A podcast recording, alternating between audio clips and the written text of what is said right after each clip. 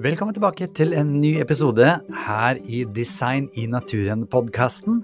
Jeg heter Chris Duve, og jeg vil bare minne deg på at du kan ta hele kurset her helt gratis med 38 forskjellige eh, informasjonsvideoer som da er lagd en podkast ut av, hvis du går inn på chrisduve.no og klikker deg inn på Design i naturen-kurset. Det finnes også et mindre kurs som heter Tre trosdyrkende fakta. Alt dette er altså gratis tilgjengelig. Men nå er det på tide med dagens episode. Vær så god.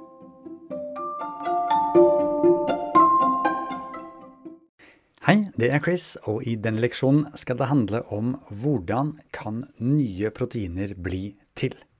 I BI1 biologi fra Gyldendal leser vi at evolusjon forandrer derimot genmaterialet mellom generasjonene, og prosessen har ikke en plan, heller ikke et formål. Det så vi blei vrient i forrige leksjon når det gjelder å smelte ned en larve og forme seg om til en sommerfugl. Men hva er det som skjer på innsiden der? Jo, det blir til nye proteiner. I denne leksjonen skal det handle om big problem. I neste leksjon little problem. Litt mer om det snart. Kan proteiner bygges ved naturlige prosesser? En som vi skal intervjue for dette her, og som vi skal snakke en del med, er dr. Douglas X. Og denne filmen kan introdusere litt om hvem han er. Douglas Axe earned his PhD at Caltech. He then spent 14 years doing research in molecular biology at top labs in and around Cambridge University. Axe was skeptical of Darwinian evolution, and he wanted to find ways to actually test what it could and couldn't do. When Axe returned to America, he formed Biologic Institute to do just that. But he and his colleagues, Ann Gager and Marcy Reeves, have conducted experiments that help address the feasibility of Darwinian explanations of the flagellum. Han sier altså store problemet er nye proteiner. Kan de dannes ved naturlige prosesser? Og little problem kan evolusjon endre eksisterende proteiner. Og disse to tingene må kunne skje ved evolusjon for å få den påståtte utviklingen som skal ha skjedd. Fordi nøkkelen til det er proteiner, som går fra noe enkelt til noe vanskelig, men de første må til for å kunne fordoble genmaterialet, f.eks. Først altså big problem. Kan proteiner bygges ved naturlige prosesser? Og I Nova 8 så ser vi at dette er eh, veldig greit. Enkle atomer blir til et organisk molekyl, blir til DNA-molekyler, blir til enkeltceller osv. Og, og noen må gjøre jobben, og det er disse bitte små maskinene, det er proteiner. La oss høre hvor enkelt det er med It's OK to be smart-gjengen fra YouTube som snakker om Where did life come from? And it may be that the rise of complexity is as inevitable as its decay. That sounds pretty good. Life creates these little closed systems where it works to keep things nice and ordered. But this definition still leaves out one important thing living things evolve. Inside the very first living things must have been molecules, chains of atoms that carried information, instructions for building things or codes for doing stuff. These molecules must have copied and made more of themselves, some a little different than the others. And a few of those codes and instructions must have been better at doing whatever they did, so they made even more of themselves. What we're describing is evolution by natural selection, Darwin's famous idea. And for life to move forward, it must have been there from the beginning. Life is a product of evolution. Must have been there from the beginning. Altså, det Ja. Uh, must have, must have er en del der. Også det å si 'the arise of complexity is as inevitable as its decay', that sounds pretty bad, syns nå jeg. At kompleksiteten blir like lett til som at kompleksitet eh, ødelegges.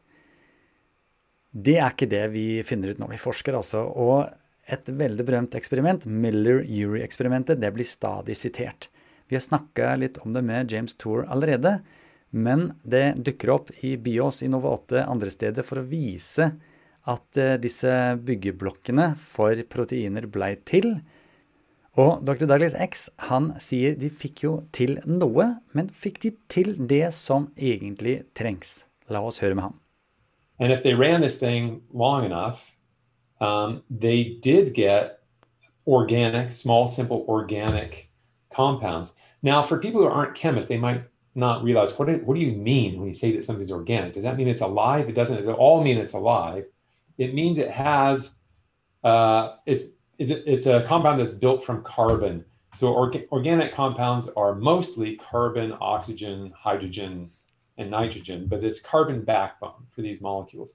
So all it means is the carbon from the methane combined with nitrogen from the ammonia, and uh, you got a compound that has carbon and nitrogen and hydrogen and, and a little bit of oxygen in it. It might have had CO2 in, in the vessel as well.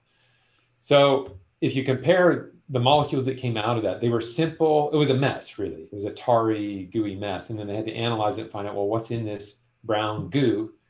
And there were amino acids, which are the building blocks for making proteins in life, but they were the simple amino acids, and they were even some unnatural and simple in, in size and a mess in terms of their handedness.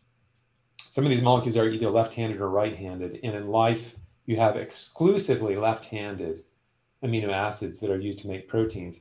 And in fact, you get a mess if you try to make a protein and you're combining right handed and left handed. You need to use exclusively left handed, or you could have done it with exclusively right handed. But if you mix the two, it becomes a mess.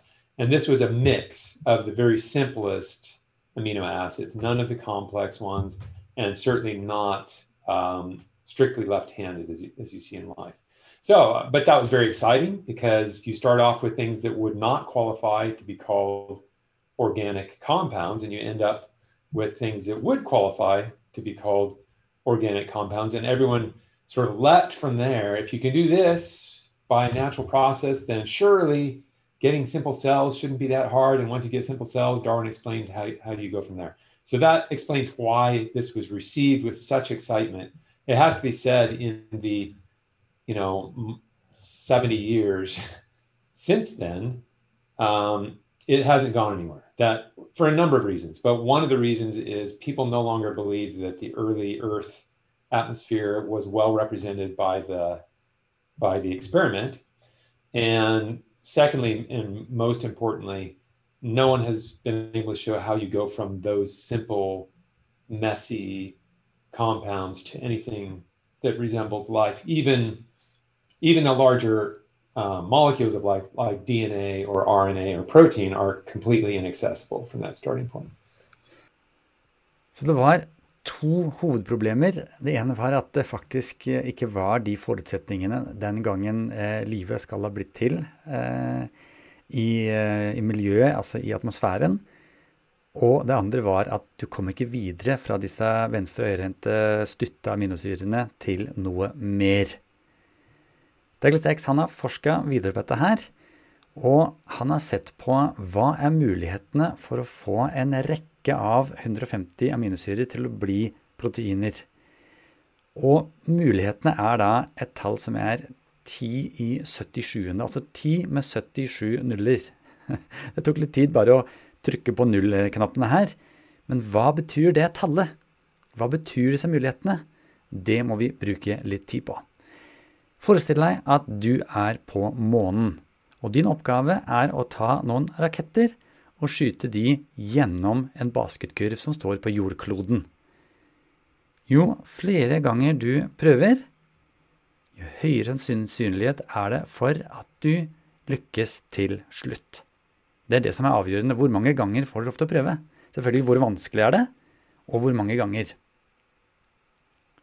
Antall organismer som har levd på jorden ever, altså inkludert alle bakteriene, alle hvaler og dinosaurer og hva det måtte være, viruser og mennesker.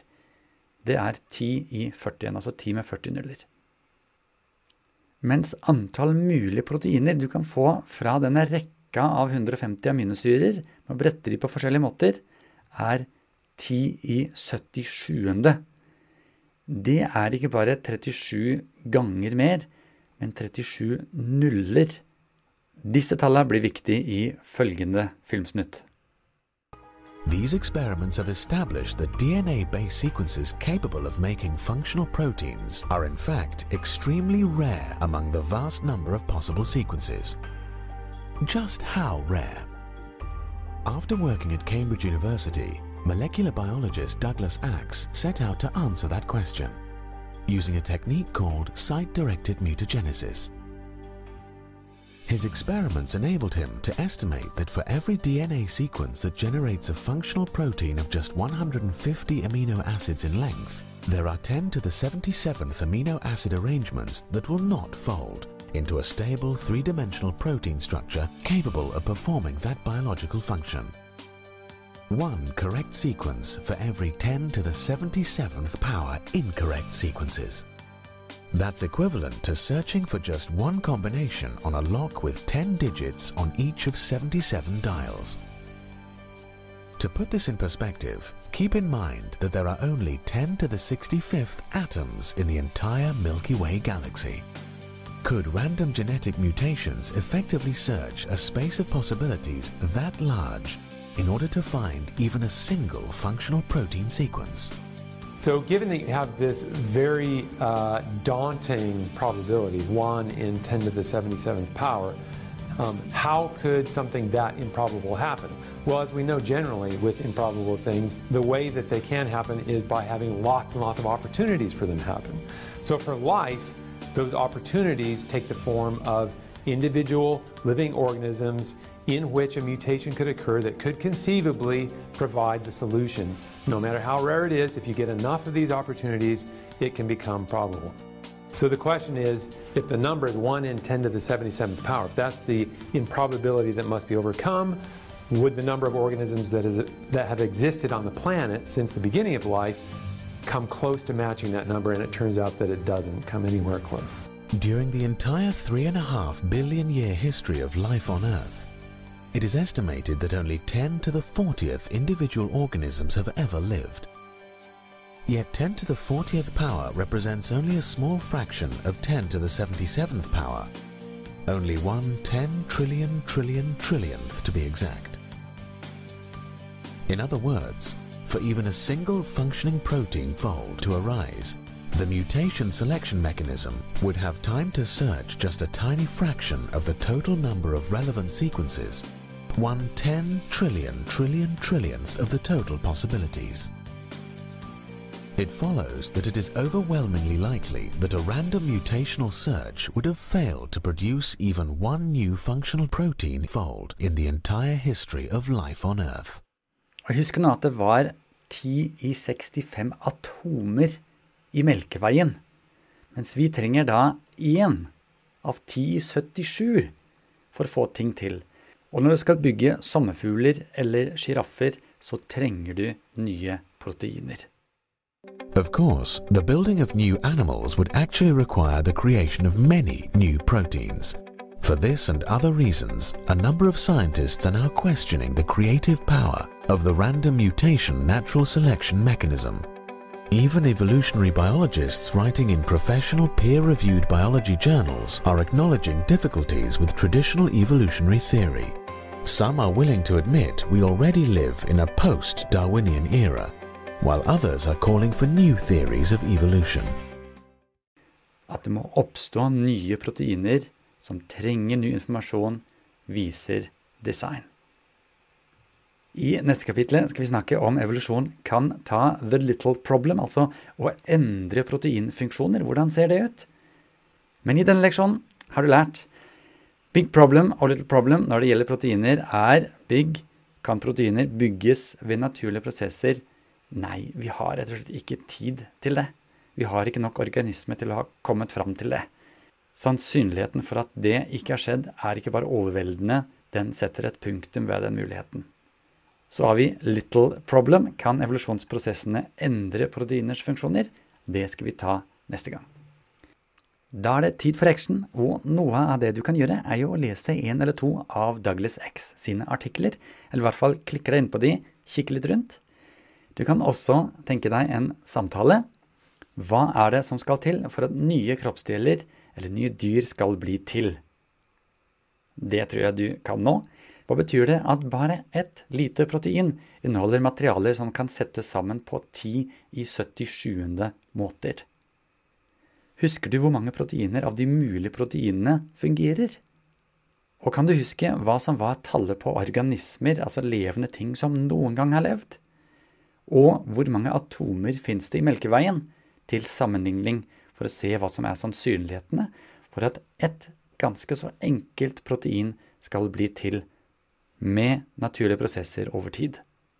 Se gjerne videoen en gang til hvis du har lyst til å få tak i de tallene og de detaljene som du kanskje gikk glipp av. Dette klarer du.